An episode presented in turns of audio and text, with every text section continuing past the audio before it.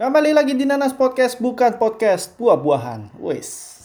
Itu tagline yang sama yang aku pakai di episode ke-38 uh, yang aku kasih judul pelecehan ya sama rekanku itu waktu itu. Dan sekarang aku nggak ditemani oleh rekanku, aku cuma sendirian aja. Karena ini udah pukul setengah sepuluh ya, lebih. Dan ya sekarang udah masuk bulan Agustus ya. Gak berasa banget, aku pikir masih bulan Juli loh. Gak berasa banget. Saking lamanya aku di rumah. Tapi by the way aku udah keluar rumah by the way. Uh, bener-bener keluar rumah tanggal berapa waktu itu? Tanggal 2 29 kayaknya. 29.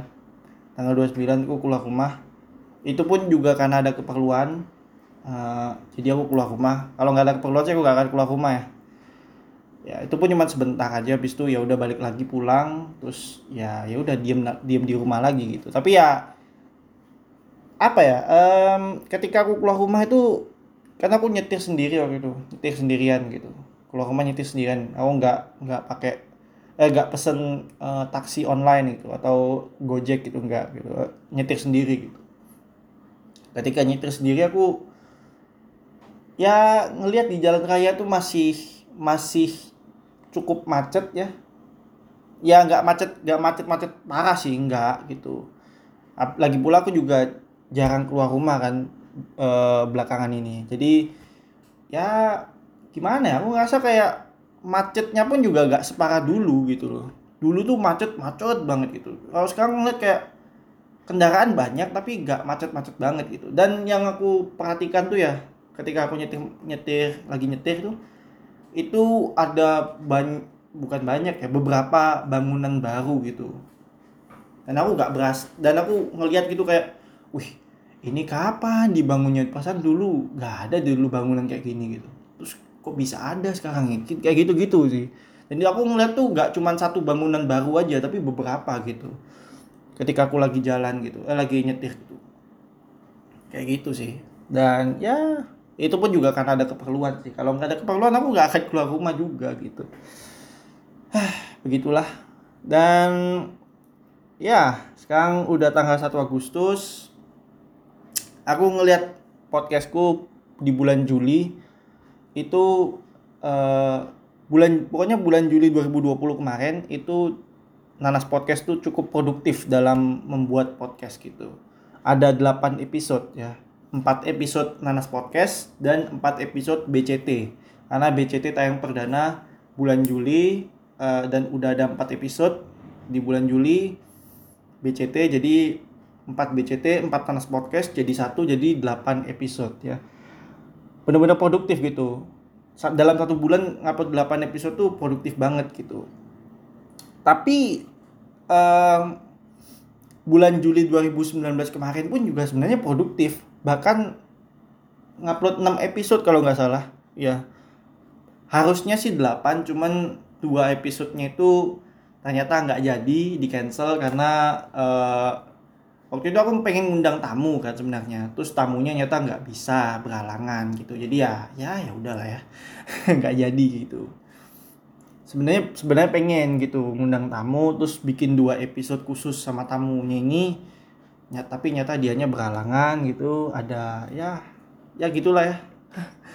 Intinya nggak jadi gitu cuman 6 episode doang Juli 2019 kemarin. Dan Juli 2020 ini ada 8 episode seperti itu dan ya aku sekarang lagi nyiapin uh, beberapa topik-topik ya yang apa ya topik-topik yang unpopular mungkin atau yang cukup sensitif mungkin barang rekanku ya. Karena episode kemarin itu yang episode ke-38 yang aku kasih judul pelecehan itu itu memang memang statementku tuh nggak nggak unpopular sih nggak unpopular banget gitu. Statement yang yang yang nggak ada salahnya gitu. Nggak nggak nggak unpopular juga gitu. Tapi topiknya sendiri topiknya itu sendiri itu udah sensitif sebenarnya gitu. Tentang uh, pelecehan seksual gitu. Kayak gitu sih. Tentang pelecehan seksual.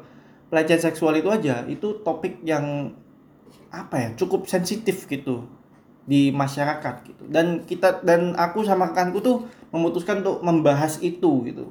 Memutuskan untuk membahas itu dan apa ya rekanku sih terutama rekanku. Akunya sih ya bahasnya tuh gak gak gak menggebu-gebu banget gitu.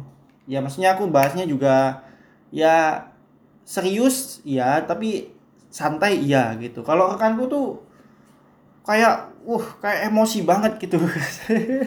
Rekanku tuh emosi banget tapi ya gak gak salah juga sih karena beberapa top beberapa uh, topik itu eh, beberapa topik beberapa berita yang kita bacain itu ada yang messed up banget sih kayak uh, bocah berusia berapa waktu itu ya 14 atau 13 tahun itu yang namanya NF kalau nggak salah itu di dilecehkan oleh uh, petugas dari P2 TP2A man mat it is mat gitu. Dan rekanku tuh sampai marah-marah wah apa nih?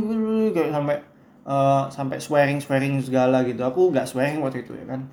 Rekanku swearing kayak gitu gitu terus ya aku sih aku aku sih uh, ngelihat kayak polisinya tuh nggak bergerak karena nggak ada laporan gitu toh juga korbannya juga nggak bisa ngelapor karena dia diancam akan dimutilasi dan diancam dibunuh lah istilahnya gitu. Anjir udah pedofil serial killer kan ngeri banget gitu. Itu rekrutmennya kayak gimana gitu? Kok bisa merekrut orang seperti itu gitu? Kan ngeri banget gitu ya kan? Si DA nih. Dan DA nih dan bukan korban yang melaporkan ke poli ke pihak uh, aparat ya aparat yang berbuat yang berwenang ya. Tapi um, si DA-nya itu sendiri yang yang pelakunya itu sendiri yang melaporkan gitu menyerahkan diri. Jadi kan ya gimana ya ya ya wajar sih kalau polisi baru tahu hal ini gitu.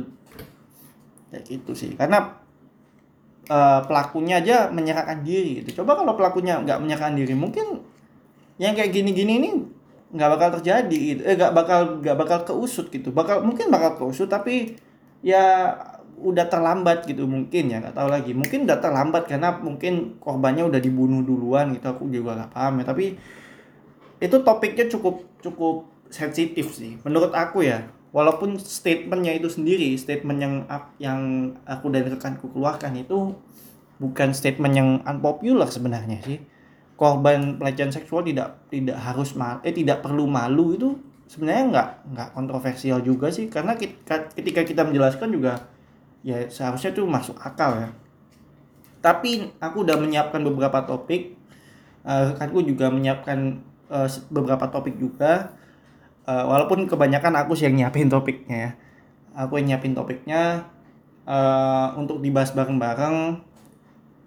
Dan beberapa topik itu cukup uh, sensitif ya. Beberapa topik yang uh, yang aku yang aku keluarin itu cukup eh beberapa topik beberapa ide topiknya itu cukup sensitif ya. Sensitif kontroversial gitu ya. Um, ya seperti itulah. Dan aku ngeliat kan uh, apa ya musuh masyarakat waktu itu kan sekarang udah tanggal 1 Agustus ya. Musuh masyarakat nggak tahu sih kayaknya bentar lagi bakal ngupload episode baru sih ya aku juga nggak paham. Kayaknya bentar lagi ngupload episode baru uh, aku nggak tahu apakah itu bakal jadi episode terakhir atau enggak aku nggak paham ya. Tapi yang jelas aku ngeliat kayak musuh masyarakat season 2 ini yang yang yang bener-bener set yang bener-bener unpopular itu cuman berapa ya? Ya dikit lah gitu season 2 season 1 kemarin tuh juga season 1 malah lebih banyak season 1 banyak banyak uh, statement yang cukup kontroversial gitu sebenarnya loh ya. Tapi untuk season 2 ini cuman beberapa doang gitu.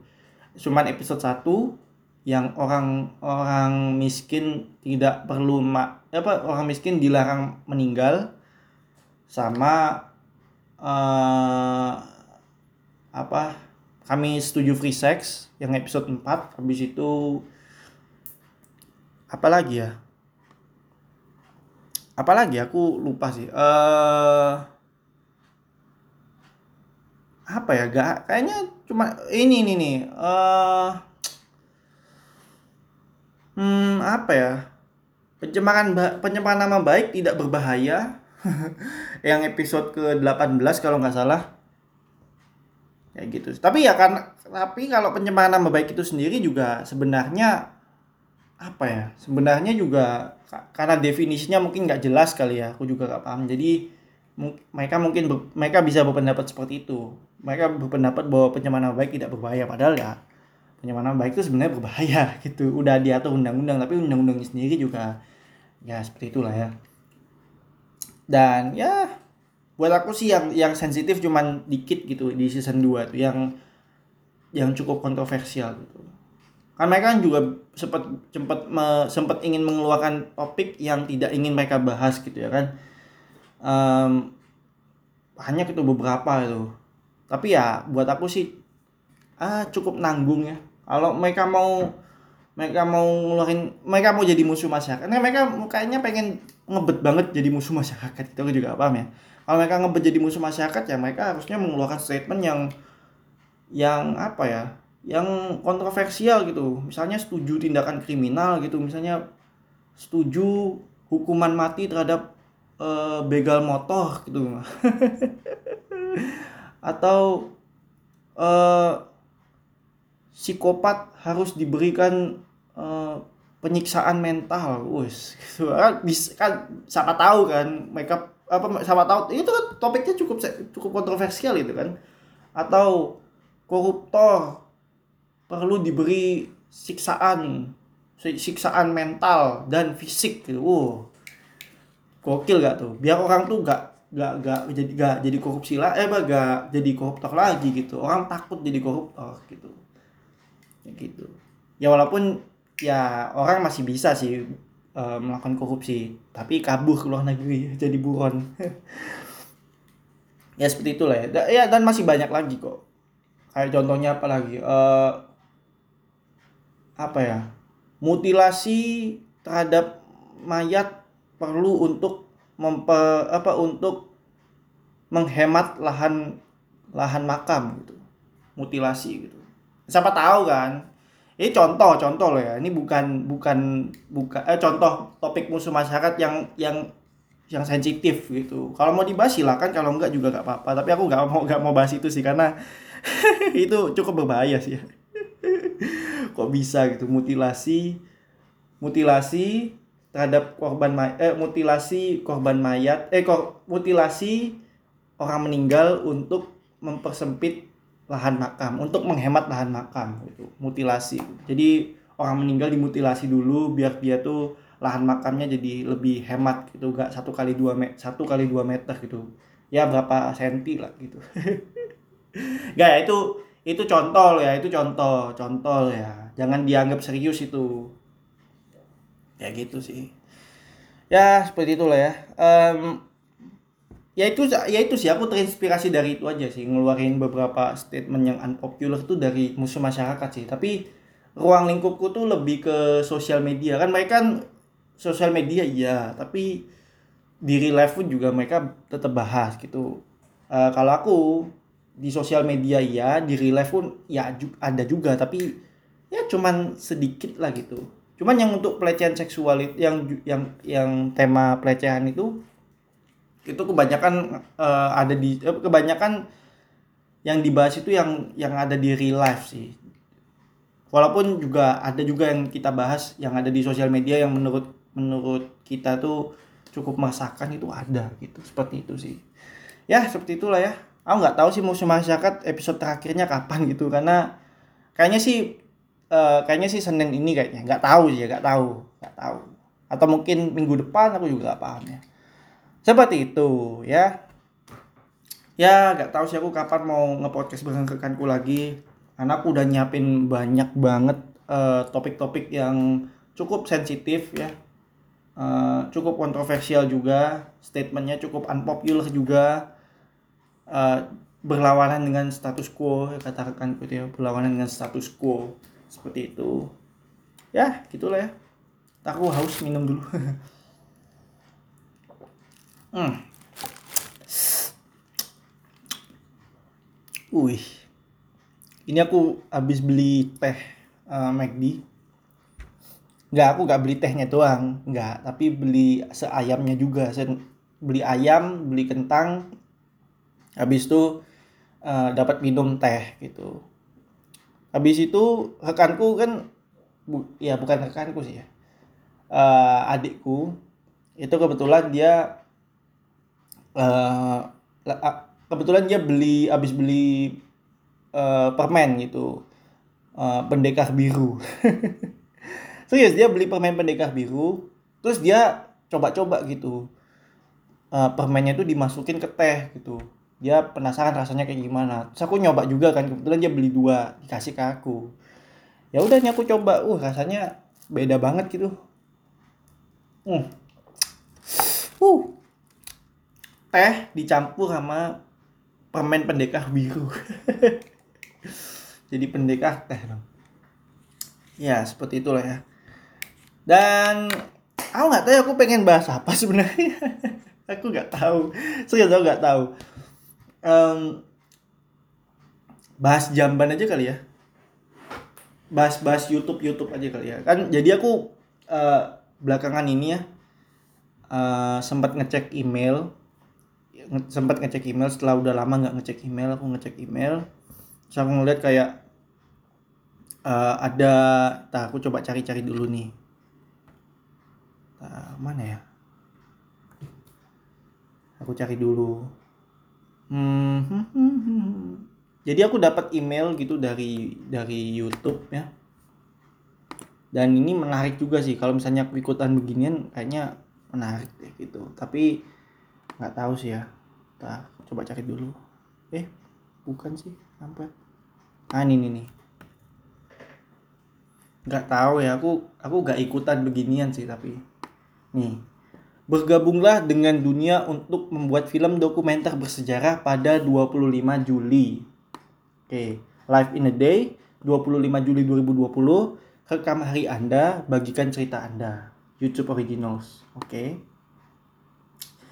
Pada 25 Juli 2020, Ridley Scott dan pemenang Academy Award Kevin McDonald mengundang Anda untuk jadi bagian dari Life in a Day, sebuah film dokumenter global bersejarah yang mengabadikan satu hari di planet bumi.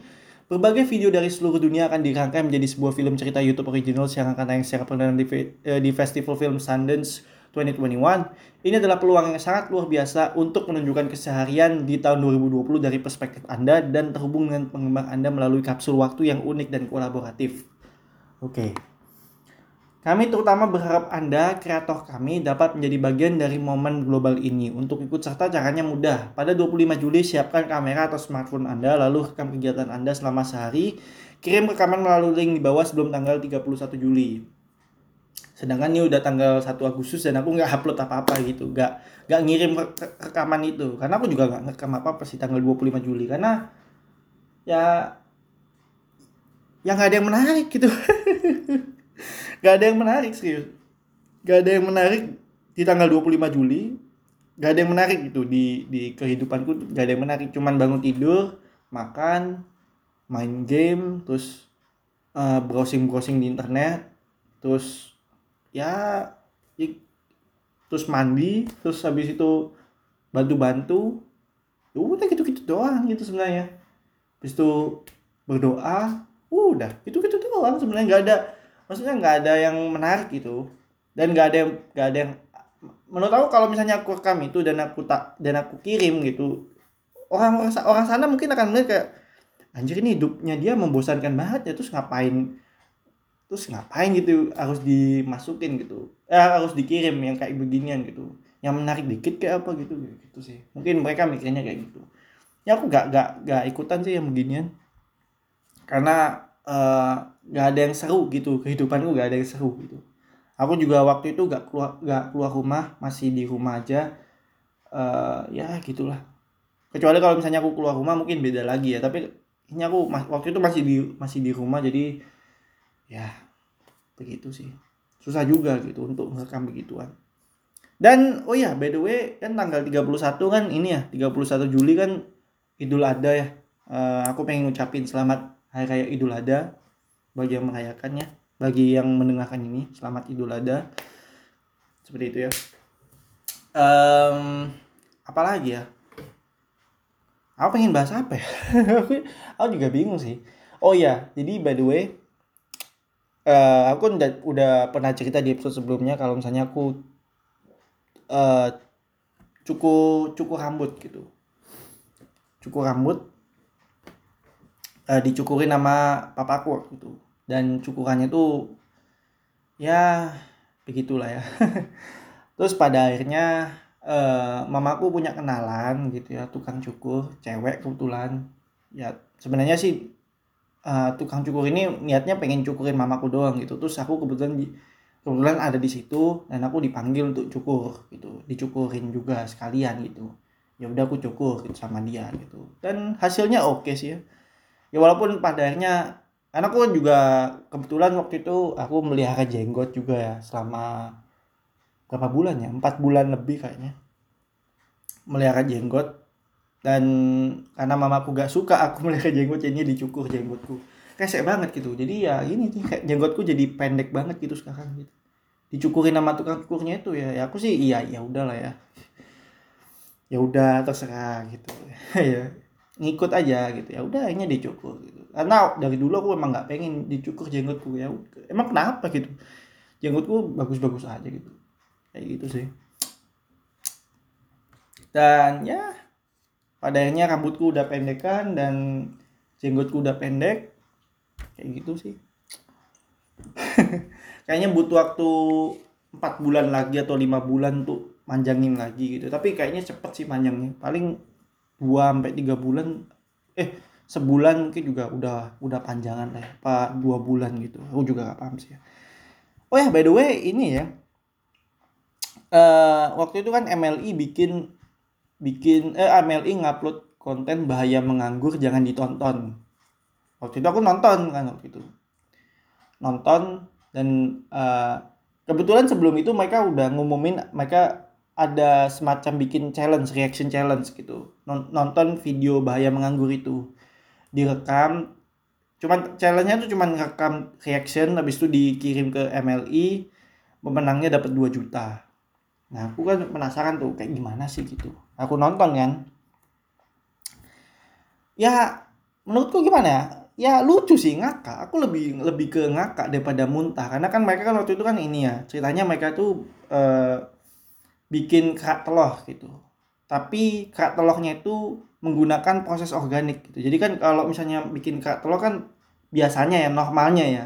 Itu telurnya diceplok habis itu diceplok ditaruh di di panci yang udah di yang yang udah panas ya yang udah ada minyaknya atau uh, mentega gitu terus habis itu dimasak itu dikasih apa kelapa apa gimana gitu dikasih daging terus ya kayak gitu gitulah ya. Normalnya kan seperti itu tapi di bahaya menganggur ini beda gitu. Jadi telurnya ditaruh di gelas habis itu diminum habis itu dimuntahin ke panci.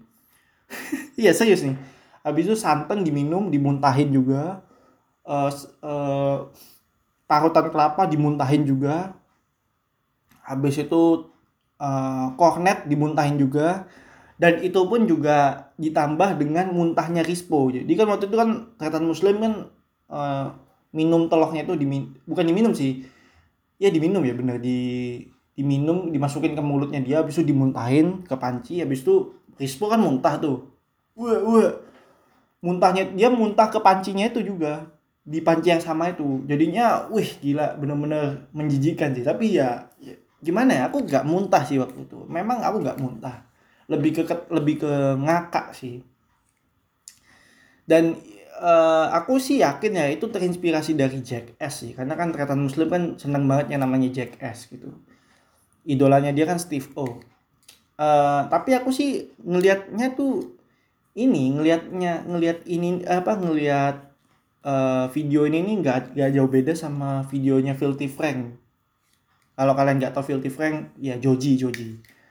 Jadi Filthy Frank tuh bikin vomit cake kue yang bahannya tuh muntah gitu ya ya sama kurang lebih prosesnya sama cuman buat aku sih lebih menjijikan yang itu ya daripada yang bahaya menganggurnya.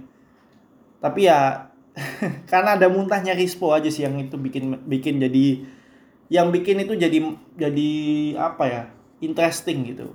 Tapi aku ngakak banget sih serius ngakak banget. Terutama sama tretan muslim sih. Aku sih ngakak sama tretan muslim yang muntah kalau ngeliat orang muntah atau ngeliat muntahnya orang lain gitu.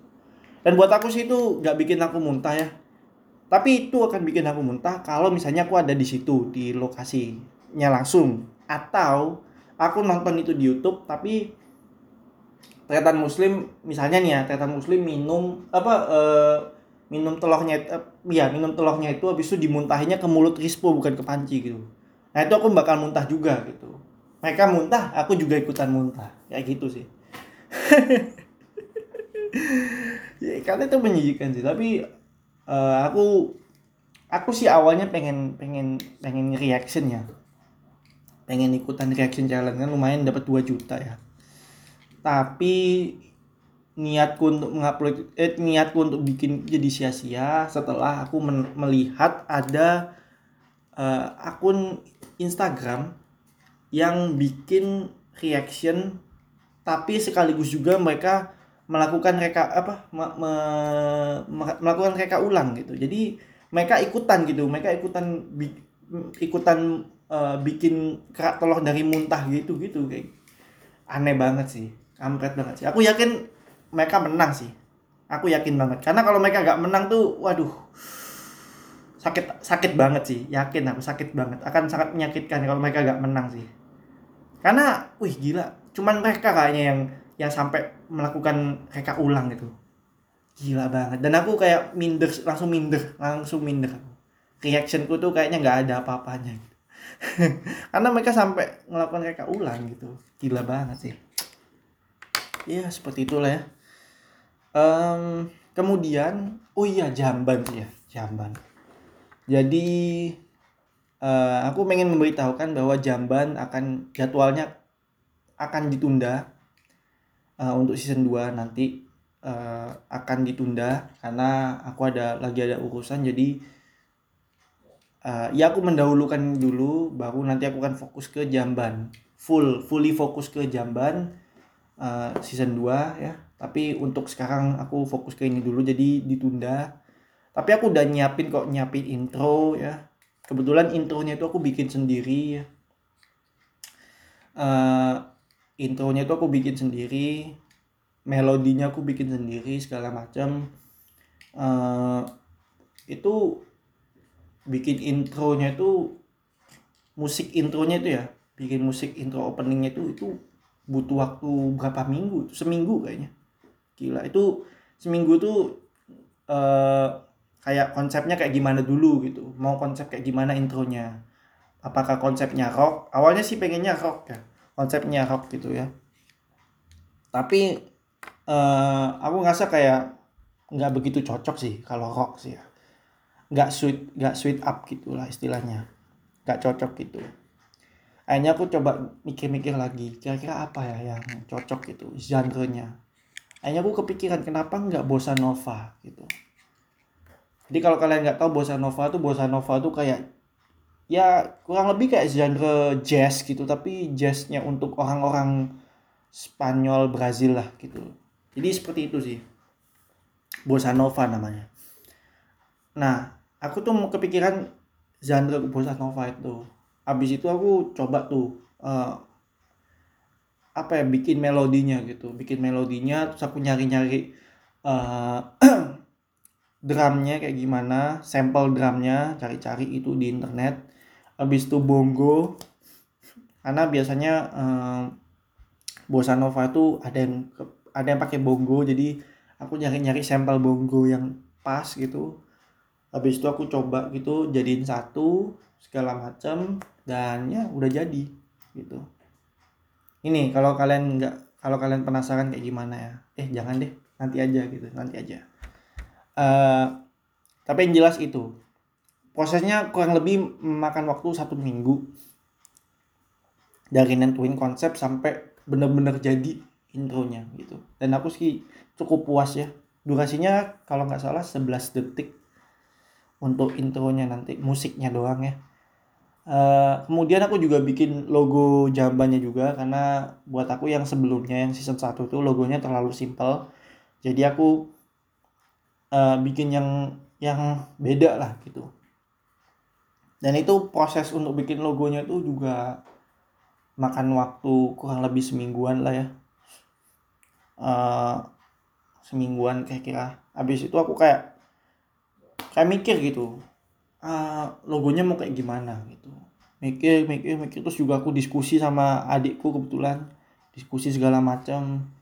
Terus habis itu pada akhirnya ya udah jadi gitu. Logonya udah jadi uh, setelah aku berdiskusi cukup panjang ya mau kayak gimana nih logonya segala macam. Padahal adikku nggak terlibat sama sekali di project ini. Tapi ya aku minta saran aja gitu. Terus aku akhirnya uh, bikin-bikin gitu dan ya oke okay sih. Hasilnya oke. Okay. hasilnya oke. Okay. dan aku seneng sama hasilnya.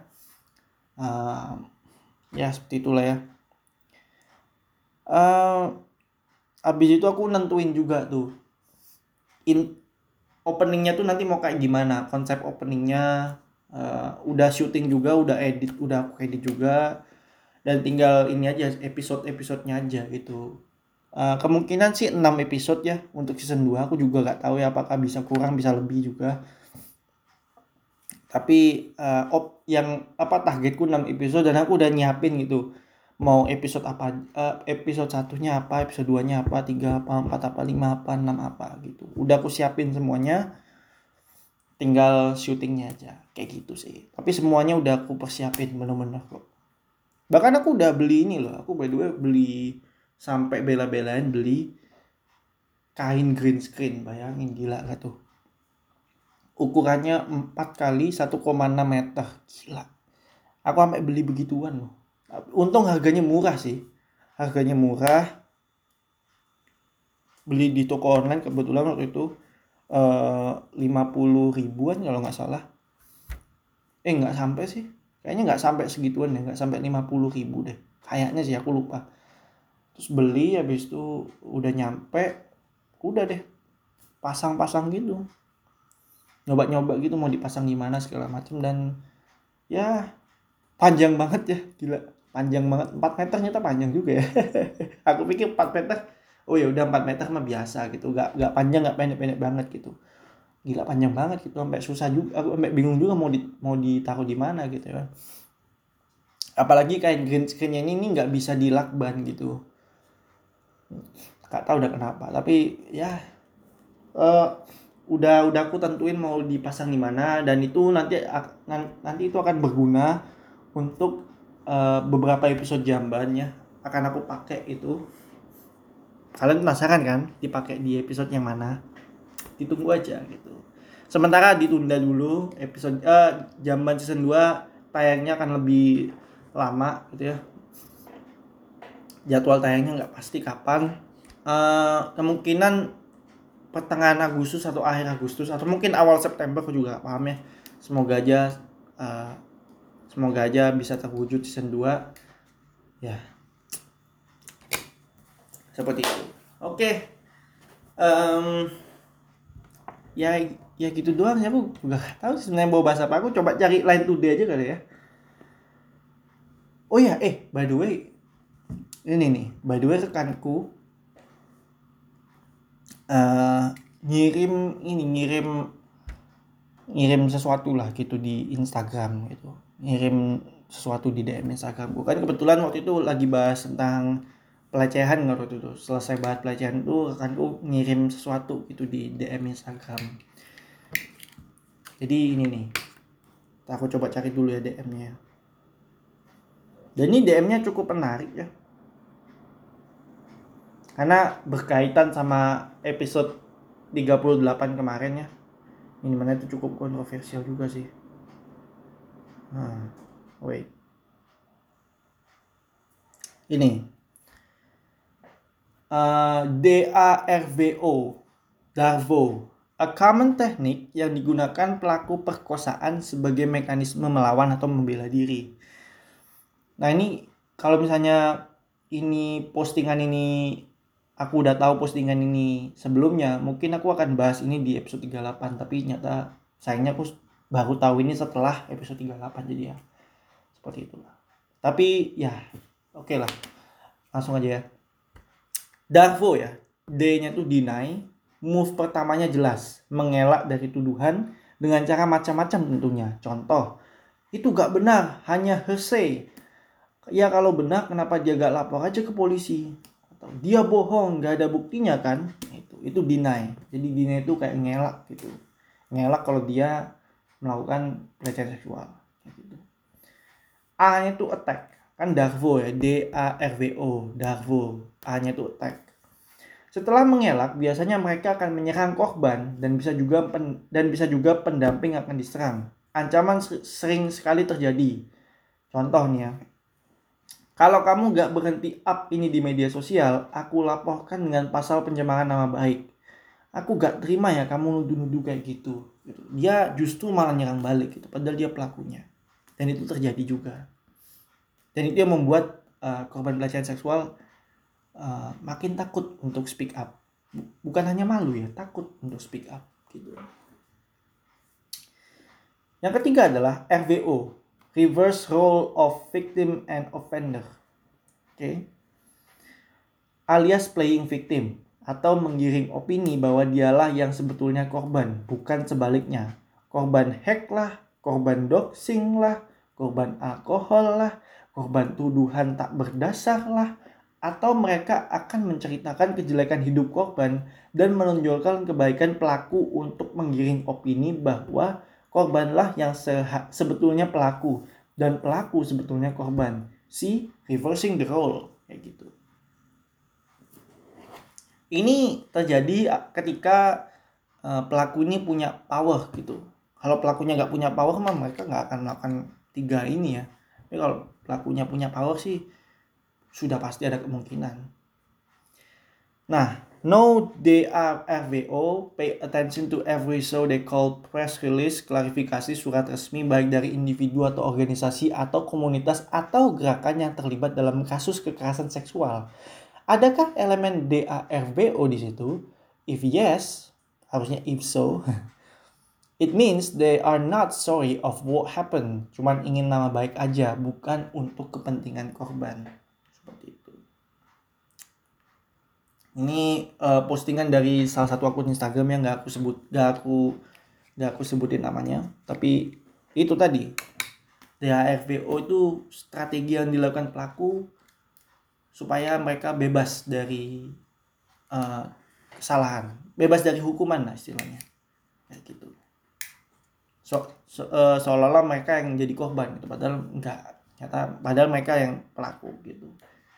Ya begitulah. Itu terjadi ketika lagi-lagi itu terjadi ketika pelaku punya power. Seperti itu. Dan uh, apa ya berkaitan dengan episode 38 kemarin ya setelah aku syuting itu ya uh, beberapa hari setelah itu aku kan sempat ngecek-ngecek Twitter gitu ya. Dan ada yang lagi viral nih. Wih lagi viral. Yaitu kasus tahu nggak kasus Gilang-Gilang? Aku waktu itu kan lagi bingung kan Gilang siapa? Gilang Gilang ini. Gilang Baskara apa Gilang Gilang Dirga apa Gilang siapa gitu kan? Kan bingung juga siapa Gilang ya kan?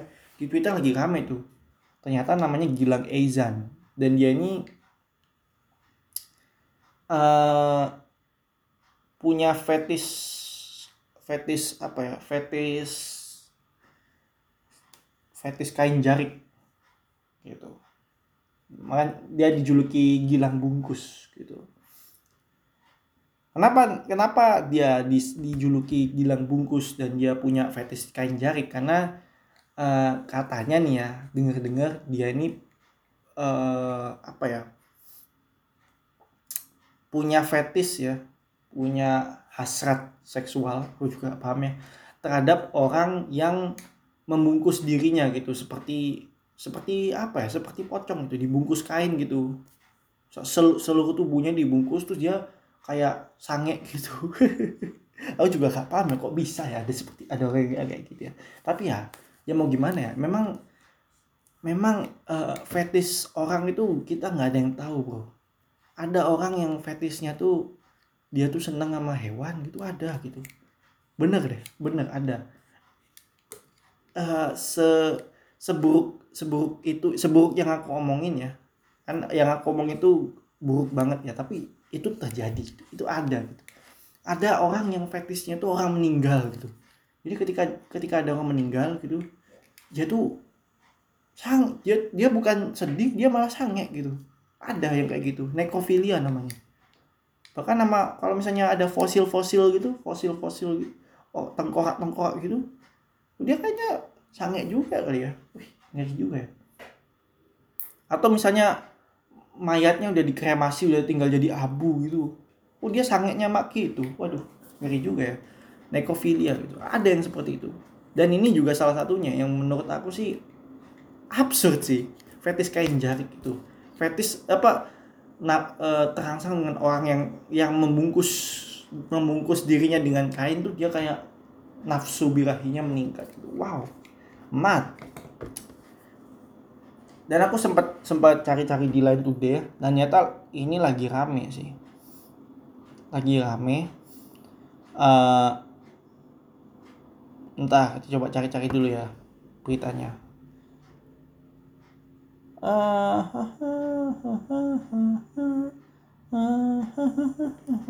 Oh ini lagi hot nih Gila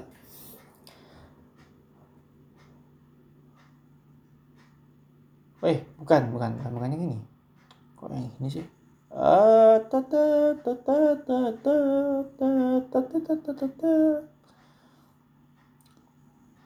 dan ini dan si Gilang ini ternyata udah pernah foto sama beberapa selebriti seperti Ernest Prakasa terus juga pernah DM DM sama Benedion gitu ya. Terus juga banyak lah gitu. Wih ngeri banget gitu. Uh, tapi untungnya Ernest gak disuruh bungkus dirinya tapi ada loh yang orang yang bikin meme dari situ. Maksudnya bikin bercandaan gitu kayak membungkus dirinya gitu dengan kain gitu terus ini aku udah begini loh gitu. Ada yang kayak gitu gitulah bikin meme kayak gitu gitu. Tapi ada juga kok yang tersinggung atas itu. Kayak uh, dia merasa bahwa orang-orang yang tersinggung tuh merasa bahwa wah ini jangan begini dong ini nggak lucu nih ini ini apa bisa membangkitkan uh, trauma dari korban gitu. Korban kan masih trauma gitu kan. Kayak gitu sih. Ya seperti itulah ya uh, nih coba cari. Aku cari dulu nih ya. Ini sambil nyari nih aku. Hmm. Bentar. Hmm, hmm, hmm, hmm, hmm.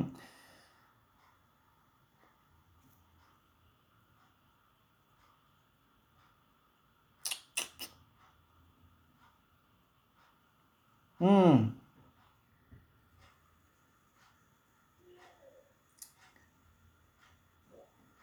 Dan kebetulan ya aku ini bingung juga sih mau gimana sih ini. Uh, kebetulan orang ini nih alu bukan atau ya ini alumni apa masih mahasiswa salah satu universitas di Surabaya ya. Universitas Negeri di Surabaya. Cukup terkenal. Uh, depannya U belakangnya R lima huruf ya. Uh, nggak tahu nih alumni atau masih mahasiswa di sana ya tapi kalau masih mahasiswa di sana sih bisa kelacak sih asli. Uh, tapi ya gitu sih. Ngeri banget ya. Bisa loh. Tahu coba sih aku cari-cari dulu. Kok mana ya? Kok gak ada? Hei.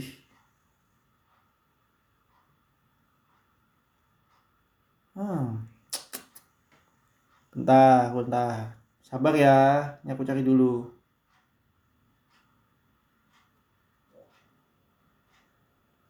Hmm. Ini ada ini nih ada sapanya Pasya Ungu. Rambutnya dipirang. ya terus kenapa?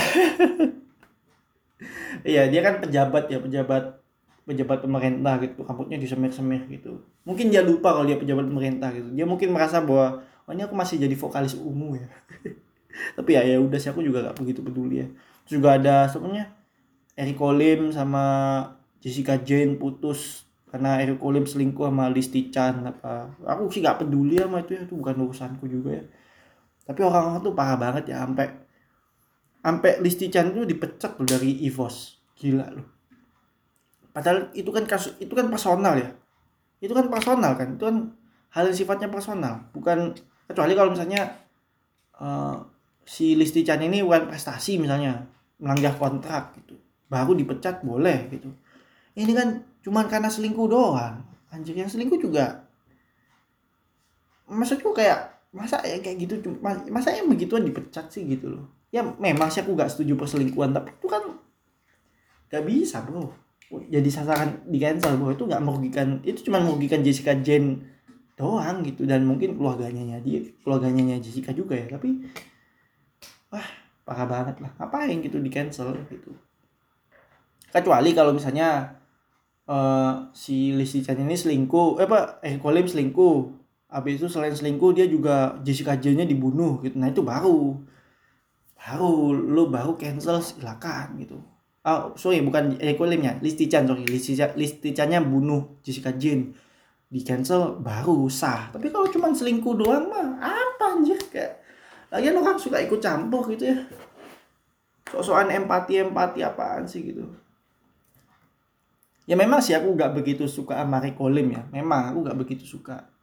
Tapi ya ya udah sih aku maksudnya kayak aku nggak ya ya apa ya aku nggak peduli juga gitu. Kalau misalnya dia selingkuh ya ya udah tuh urusannya dia.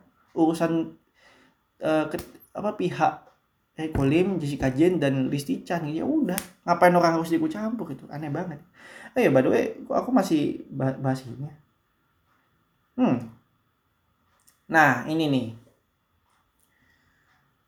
Hmm. Oh. Wih. Jadi pelakunya ini merupakan mahasiswa itu ya angkatan 2015 namanya Gilang Aprilian Nugraha Pratama dari Fakultas Ilmu, Ilmu Budaya itu ya. E, dulu pernah terjadi saat si Gilang jadi panitia mahasiswa baru tapi tidak dilaporkan ke dekanat. Nah sekarang sudah viral di sosial media dan ada yang melapor makanya kami adakan sidak kode etik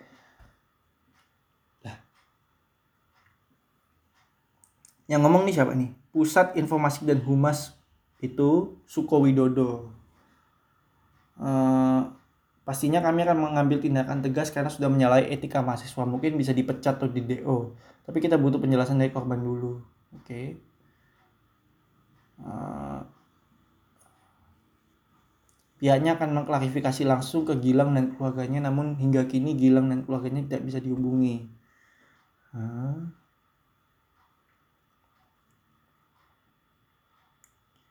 Diduga pelaku melakukan aksinya dengan modus meminta bantuan penelitian tugas akhir dengan tema bungkus-membungkus. Korbannya diminta mematuhi arahan dari pelaku. Oh iya, aku sempat baca baca thread di Twitter ya. Uh, kebetulan ini korban uh, korban dari si Gilang ini. Jadi Gilang ini ya itu uh, bikin riset gitu ya, riset bungkus membungkus gitu. Terus korbannya itu disuruh bungkus membungkus membungkus si korban membungkus dirinya itu dengan kain gitu disuruh sama pelaku gitu. Uh, dan korban ini kata-kata kata-kata korban itu uh, masih mahasiswa baru ya. Uh, dan apa ya si korbannya awalnya nggak nggak pengen kan tapi maksa gitu si Gilang ini maksa sampai kayak apa ya kayak ngancem-ngancem pengen bunuh diri gitu. Wah, ngeri juga ya kalau aku sih yang kayak begituan sih ya udah sih biarin aja dia bunuh diri. Maksudnya bro ngapain ngancam gitu bro? Gitu loh. Aneh-aneh banget. Kalau itu sih udah termasuk termasuk pelecehannya gitu. Tapi pada akhirnya si korban mau. Bodohnya mau gitu. Harusnya sih jangan ya. Tapi ya mau gimana lagi udah udah terjadi gitu. What it is. Dan ya seperti itulah ya adanya di, terus dikirim foto-fotonya ke Gilang dan ya dan ternyata katanya korbannya banyak banyak banget uh, terus pada akhirnya speak up gitu ya. Ya aku sih uh, salut ya atas keberanian si korban untuk speak up. Walaupun ya seharusnya hal seperti itu tidak terjadi tapi ya mau gimana lagi udah terjadi juga. Dan si Gilang ini memang kampret ya pura-pura bikin riset maksa-maksa sampai aku gak seneng loh sama orang yang yang apa ya maksa gitu sampai ngancam bunuh diri segala itu ngapain sih gitu loh? Cuma untuk mendapatkan apa yang dia inginkan gitu. What the hell gitu. Biar apa sih? Gitu loh aneh banget gitu. Dan pelaku ini juga nggak cuma ngincar mahasiswa baru doang ya tapi juga siswa SMA juga di, diincar sama dia. Dan uh, pelaku ini mengaku bahwa dirinya tuh bisexual gitu. Jadi dia tuh nggak cuma suka sama cewek tapi dia juga suka sama cowok gitu. Dan pelaku ini kan cowok ya gilang. Namanya juga gilang ya. Masa kita gilang cewek ya kan? Uh, kalau cewek apa yang namanya? Kalau gil, gilang cowok giling kali ya. Nggak tahu ya. Tapi uh, seperti itu gitu. Uh, pelak apa pelaku tuh nggak cuma ngincar mahasiswa baru tapi juga uh, siswa SMA dan pelaku juga mengakui bahwa dirinya adalah bisexual gitu. Dan aku nggak ada masalah. Kalau urusan bisexual tuh itu nggak ada masalah dengan itu ya. Freddie Mercury juga bisexual gitu ya kan. Uh, si Gilang juga bisexual ya. Dari aku nggak ada masalah dengan orientasi seksualnya dia. Asalkan dia tidak merugikan orang lain, that's it gitu. Masalahnya dia merugikan orang lain gitu. Dengan bikin riset-riset palsu gitu ya kan. Sampai maksa-maksa lagi ya kan. Seperti itu. Kayak gitu sih. Apalagi dia sampai ngancam bunuh diri. Kalau aku sih kalau dia ngancam-ngancam bunuh diri gitu sih ya udah biarin aja gitu. Ya udah biarin aja gitu. Nanti aku bunuh diri loh. Oh ya udah silakan gitu. Ya udah biarin aja. Paling dia juga dia juga paling nggak akan bunuh diri juga ya kan. Kayak gitu sih. Kalau dia bunuh diri beneran ya ya ya udah gitu. Kayak gitu loh ya ya udah gitu. It is what it is gitu loh. Maksudnya kayak ya kalau itu dia bunuh diri beneran ya ya ya itu sih nggak baik ya. Uh, gak seharusnya itu terjadi. Cuman daripada dia mendapatkan sesuatu yang dia tidak yang dia inginkan tapi orang tidak pengen itu terus dia maksa terus dia ngancem-ngancem segala macam terus juga dia aku tuh aku baca de, baca isi chatnya tuh anjir ini orang ngatur-ngatur gitu ya kan. Si Gilang nih ngatur-ngatur ngacem-ngacem anjir apaan sih gitu. Kayak kalau aku sih udah udah aku ini sih ya. Kalau aku sih udah di blok ya aku sama aku. Walaupun aku bukan orang yang suka ngeblok orang lain ya di sosial media. Tapi kalau aku sih udah di blok ya sama aku. Tapi ya ya aku salut sama korban yang mau speak up ya uh, karena dia sudah membuka eh sudah membuat orang korban-korban yang lain juga mau tuh speak up gitu. Karena kan ini kasus ini udah terjadi lama sebenarnya tapi uh, tapi uh, baru baru viral belakangan ini gitu. Karena ada korban yang mau speak up juga lagi rame juga. Ya gitu sih. Sebenarnya ini sebenarnya sebenarnya cukup sebenarnya ya ini kasus lama kasus lawas banget. Terus juga uh, udah jadi perbincangan gitu ya. Uh, tapi nggak viral di sosial media gitu. Baru viral baru-baru ini gitu. Karena dan juga karena orang juga speak up gitu.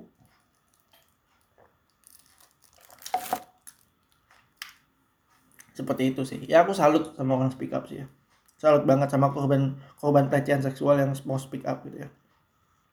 Kayak gitu sih. Ya seperti itulah ya. Um, apalagi nih Joko Chandra.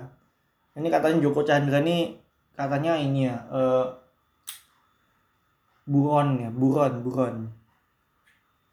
Buronan gitu. Aku juga nggak paham sih nggak ngikutin kasusnya nggak peduli juga uh, Joko Chandra. Oke. Okay.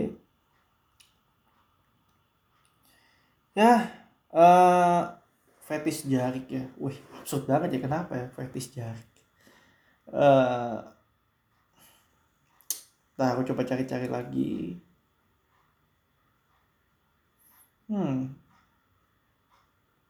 mana lagi ya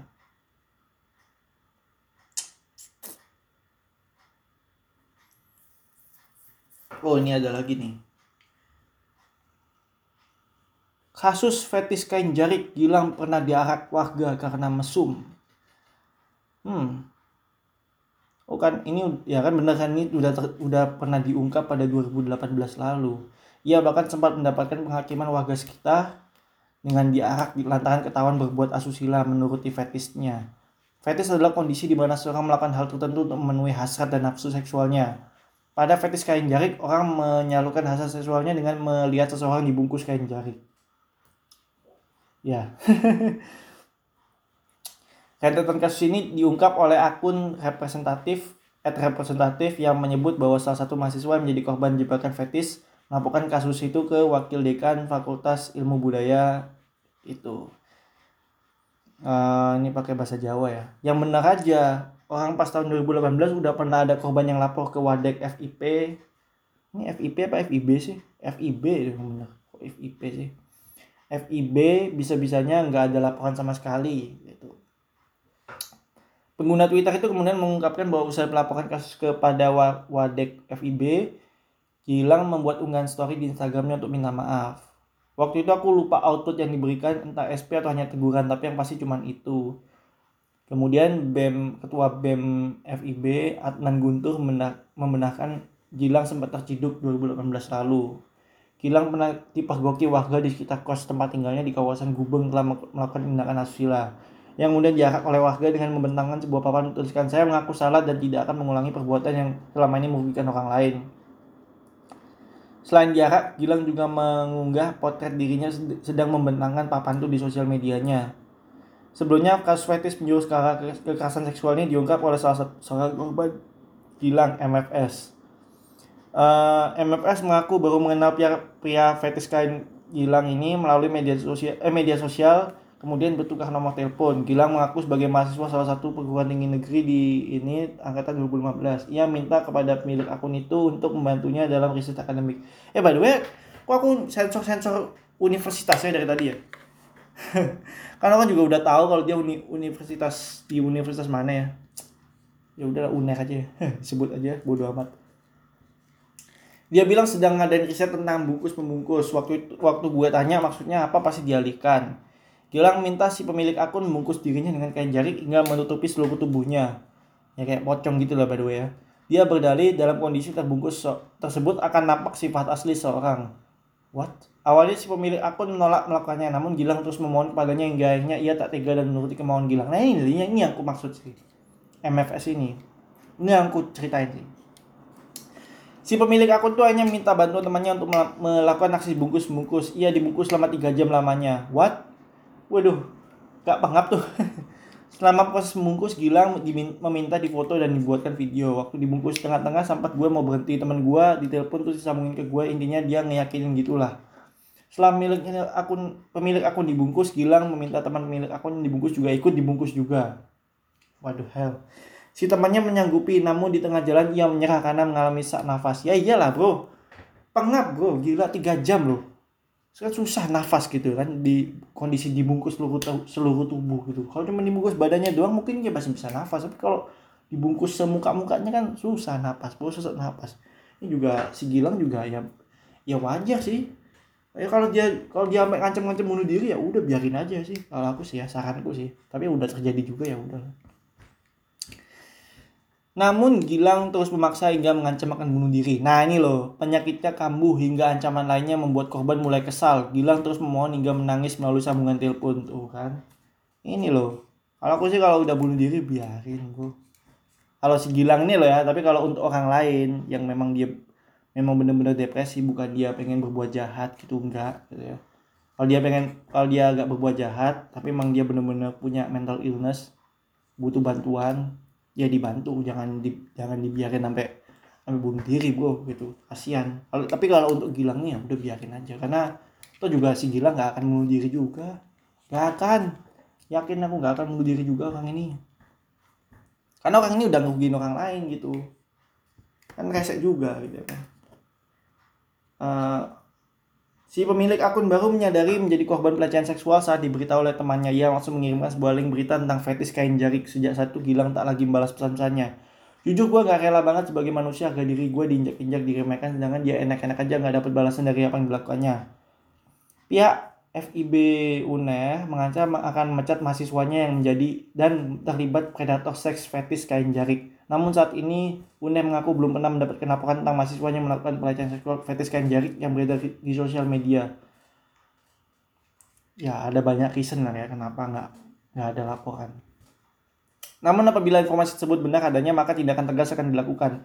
Kampus juga tidak akan melindungi yang bersangkutan apabila terbukti, terbukti bersalah. Oke, okay. Uh, dengan adanya informasi yang viral di media sosial dan bagian beritaan, maka FIB melalui Komisi Etik Fakultas tengah melakukan investigasi secara menyeluruh terhadap kasus ini dan siap bekerja sama dengan semua pihak untuk menyelesaikan. ya semoga uh, kasus ini bisa diusut ya. Kasus Gilang ini bisa diusut ya karena ngeri banget bro. Kalau fetis kain jarik oke okay lah. Terserah walaupun aku sendiri juga merasa bahwa itu aneh. Dan itu juga merugikan orang lain karena apalagi sampai ditutup seluruh tubuh gitu bro gila. Bro kan itu kan bisa bikin sesak, orang sesak nafas ya. Tapi kalau caranya udah salah caranya ngancem-ngancem gitu ya. Apalagi di DM juga dia ngatur-ngatur terus juga ngancem-ngancem bunuh diri segala macam itu udah rugiin orang lain ya buat aku sih. Dan ya buat aku sih orang ini perlu di dikasih hukuman apalah gitu. Hukuman sosial dia dibungkus kain jarik ya. Dianya yang dibungkus kain jarik selamanya. Selamanya. Meninggal dong. Uh, ya ya gimana bro? Ya gimana? Mau mau diapain lagi gitu? Di penjara. Dia nggak akan berubah yakin aku. Nggak akan berubah karena fet, itu udah fetishnya dia. Dia akan selamanya sangat terhadap hal tersebut. Aku juga gak kebayang sih kalau dia ke ke pemakaman gitu ada ada keluarganya meninggal terus jadi terus keluarganya dibungkus kain kafan gitu. Apakah dia bakal terangsang gitu kan? What the hell? Aku nggak kebayang sih hal itu hal itu akan terjadi. Tapi kan fetishnya dia juga udah kayak gitu ya kamu gimana bro? Kalau untuk dia bisexual oke okay lah it's it's aku nggak peduli itu nggak ada masalah dengan orientasi seksualnya bisexual tapi kalau caranya merugikan orang lain itu yang masalah gitu loh. Dan semoga bisa diusut tuntas ya seperti itu. Uh, kayak gitu sih. Udah berapa menit nih? Oh, udah sejam sih ya. Udah kayaknya segini aja deh. Aku tenggorokanku udah tenggorokanku gak enak sih by the way. Jujur aja ini tenggorokanku gak enak banget. Makanya aku dari tadi ngomong itu aku kayak gimana gitu. Tenggorokanku ada gak enak gitu udah tenggorokan gak enak tapi aku minum minum teh es teh lagi kampret ya. Hmm. Ah udah habis. Uh. Unik banget rasanya. Oh ya, jangan lupa dengerin Nanas Podcast di Spotify, uh, Anchor, Radio Public, Breaker dan Google Podcast ya. Dengerin sampai dengerin sampai habis ya kalau bisa. Ya walaupun ya aku nggak maksa kalian untuk dengerin sampai habis karena durasinya juga panjang banget ya setiap episodenya.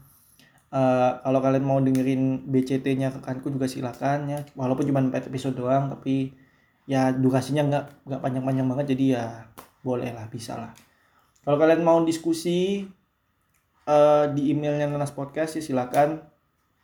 Uh, nama emailnya realnanaspodcast@gmail.com. Rencananya mau aku ganti sih emailnya Nanas Podcast. Nama emailnya ya emailnya Nanas Podcast gitu. emailnya Nanas, emailnya Nanas at gmail.com. Ya, itu sih. Kayaknya sih mau aku ganti emailnya Nanas Podcast sih tapi sementara pakai realnanaspodcast@gmail.com ya untuk diskusi untuk curhat juga boleh untuk uh, ya nanya-nanya juga boleh atau terserah lah. Atau mau ngasih ngasih uh, ngasih ide topik atau ngasih ya ngasih ya bu, silakan lah. Mau atau mau berbisnis juga silakan gitu. Asalkan uh, bukan bisnis yang melanggar hukum ya. Bisnisnya sah sah saja bisnis yang sah dari hukum silakan gitu ya. Supaya ada penghasilan. Seperti itu. Dan juga uh, nonton juga Nanas Podcast di YouTube ya. 20 menit pertama dan ya nonton juga Jamban uh, season satunya ya. Season 1 karena season 2 nya masih belum tayang masih dalam proses syuting. Uh, ditunggu aja. Semoga jadi tayang. Nggak tahu kapan tayangnya. Ya walaupun aku, aku walaupun semuanya aku yang ngerjain sih. Nggak nggak semuanya sih ya. Uh, 90% aku yang ngerjain sen sendiri gitu. Tapi aku yang nggak tahu kapan tayangnya. Kampret juga sih. Ya seperti itulah ya segitu aja untuk episode kali ini. Aku juga nggak tahu mau kasih judul apa. Uh, kayaknya judulnya untuk episode kali ini bungkus. Wes bungkus. Dan di episode selanjutnya mungkin aku bakal ngepodcast sendirian atau mungkin uh, podcast BCT yang kata yang atau mungkin ngepodcast berdua makanku ya dengan topik-topik yang kontroversial, sensitif atau mungkin uh, berlawanan dengan status quo seperti itu. Yaudah, sampai jumpa di episode selanj- selanjutnya. Bah, sampai jumpa di episode selanjutnya. Dadah. Ngomong apa sih kampret?